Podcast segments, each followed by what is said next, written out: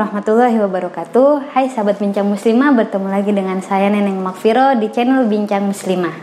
Selain kita diwajibkan untuk menahan makan dan minum Selama berpuasa Sejak terbit fajar sampai tenggelamnya matahari Kita juga diharuskan untuk menahan hawa nafsu Untuk melakukan hubungan badan.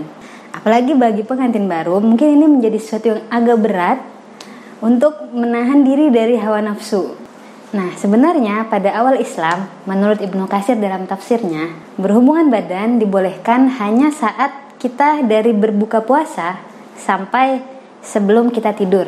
Nah, setelah itu ketika ketika kita bangun lagi di tengah malam, kita lebih dianjurkan untuk memperbanyak zikir, menghidupkan malam karena itu adalah malam-malam di bulan Ramadan yang sangat mulia.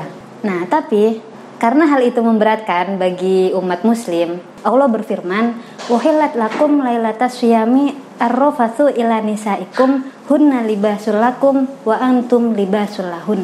Dan dihalalkan bagi kalian untuk bercampur dengan istri-istri kalian. Mereka adalah pakaian bagi kamu dan kamu adalah pakaian bagi mereka.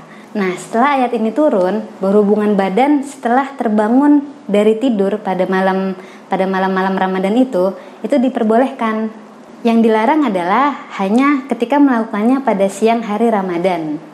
Tapi kalau seandainya nih kita tidak bisa menahan diri terlanjur melakukan hubungan badan di siang hari Ramadan, selain puasanya menjadi batal dan dia mendapatkan dosa karena dia melanggar kewajiban yang ditentukan oleh Allah Subhanahu wa taala, dia juga harus melakukan sebagaimana yang diriwayatkan dalam riwayat Imam Muslim dari Abu Hurairah radhiyallahu anhu. An Abi Hurairah radhiyallahu an qala kana rajulun jaa ila Nabi sallallahu alaihi wasallam faqala ahlaktu ya Rasulullah. Jadi pada waktu itu ada seorang laki-laki datang kepada Nabi lalu dia berkata aku celaka ya Rasul itu. Faqala Rasul berkata ma ahlakta kenapa kau celaka apa yang mencelakaimu gitu.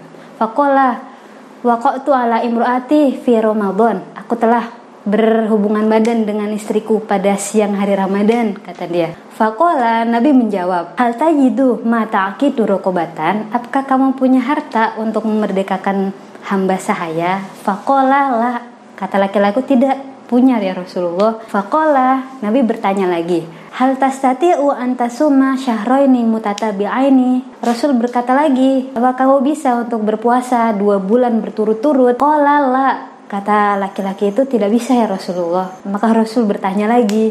Fakola hal tajid matutaimu sittina miskinan. Rasul bertanya lagi, apakah kamu mempunyai harta untuk memberi makan 60 orang miskin? Fakola la. Kata laki-laki itu tidak punya ya Rasulullah. Fajalasa. Akhirnya Rasul duduklah tuh. Wa utiyah Nabi Sallallahu Alaihi Wasallam biwarokin min tamr. Lalu ada yang memberi Rasul sekeranjang kurma. Fakola lalu Rasul berkata lagi ke laki-laki yang tadi tasodak bihaza bersedekahlah dengan kurma ini. Jadi maksud Rasul bersedekahlah dengan kurma ini kepada 60 orang miskin tadi gitu. Tapi laki-laki itu berkata lagi fakola rojulun a'alaya afkarumini ya Rasulullah. Apa ada yang lebih miskin dari aku ya Rasulullah? Wama bainala bataiha ahlu baitin ahwaju ilaihi minna. Nggak ada itu keluarga yang lebih membutuhkan di Madinah ini daripada keluarga saya. Fadhahika Rasulullah SAW hatta badat anya buhu. Jadi Rasul mendengar laki-laki itu berkata, akhirnya tertawa sampai kelihatan gigi-giginya. Qala idhab at'aimhu ahlaka. Lalu Rasul berkata, pergilah beri makan dengan kurma ini kepada keluargamu. Hadis riwayat Imam Muslim. Jadi berdasarkan dengan riwayat ini, jika kita terlanjur berhubungan badan, pada siang hari Ramadan, maka kita harus melakukan pertama memerdekakan budak. Tapi karena sekarang tidak ada lagi budak, maka kita bisa melakukan opsi kedua, yaitu puasa dua bulan berturut-turut. Nah, kalau misalnya kita baru sebulan batal, maka menurut para ulama kita harus mengulang dari awal. Nah, kalau misalnya berdasarkan alasan syar'i, misalnya kita kesehatan kita menurun atau kita sakit bulu sampai akhir hayat, kita boleh memilih Pilihan ketiga yaitu kita boleh memberi makan 60 orang miskin yang mana setiap orangnya itu satu mut. Satu mut adalah 6 ons. Nah, yang mana jika kita bulatkan menjadi 1 liter, berarti dikalikan saja 1 liter dikali 60, berarti 60 liter. Oh ya, beserta dengan lauknya ya teman-teman. Berarti kalau dibulatkan bisa menjadi 15.000 yang harus dibayarkan kepada 60 orang miskin. Meskipun telah batal puasanya, tidak boleh untuk mengulangi lagi berhubungan badan. Misalnya karena ingin lagi itu harus menahan diri, juga dianjurkan tidak makan dan juga tidak minum. Hal itu karena untuk menghormati bulan puasa. Demikian penjelasan dari saya. Assalamualaikum warahmatullahi wabarakatuh.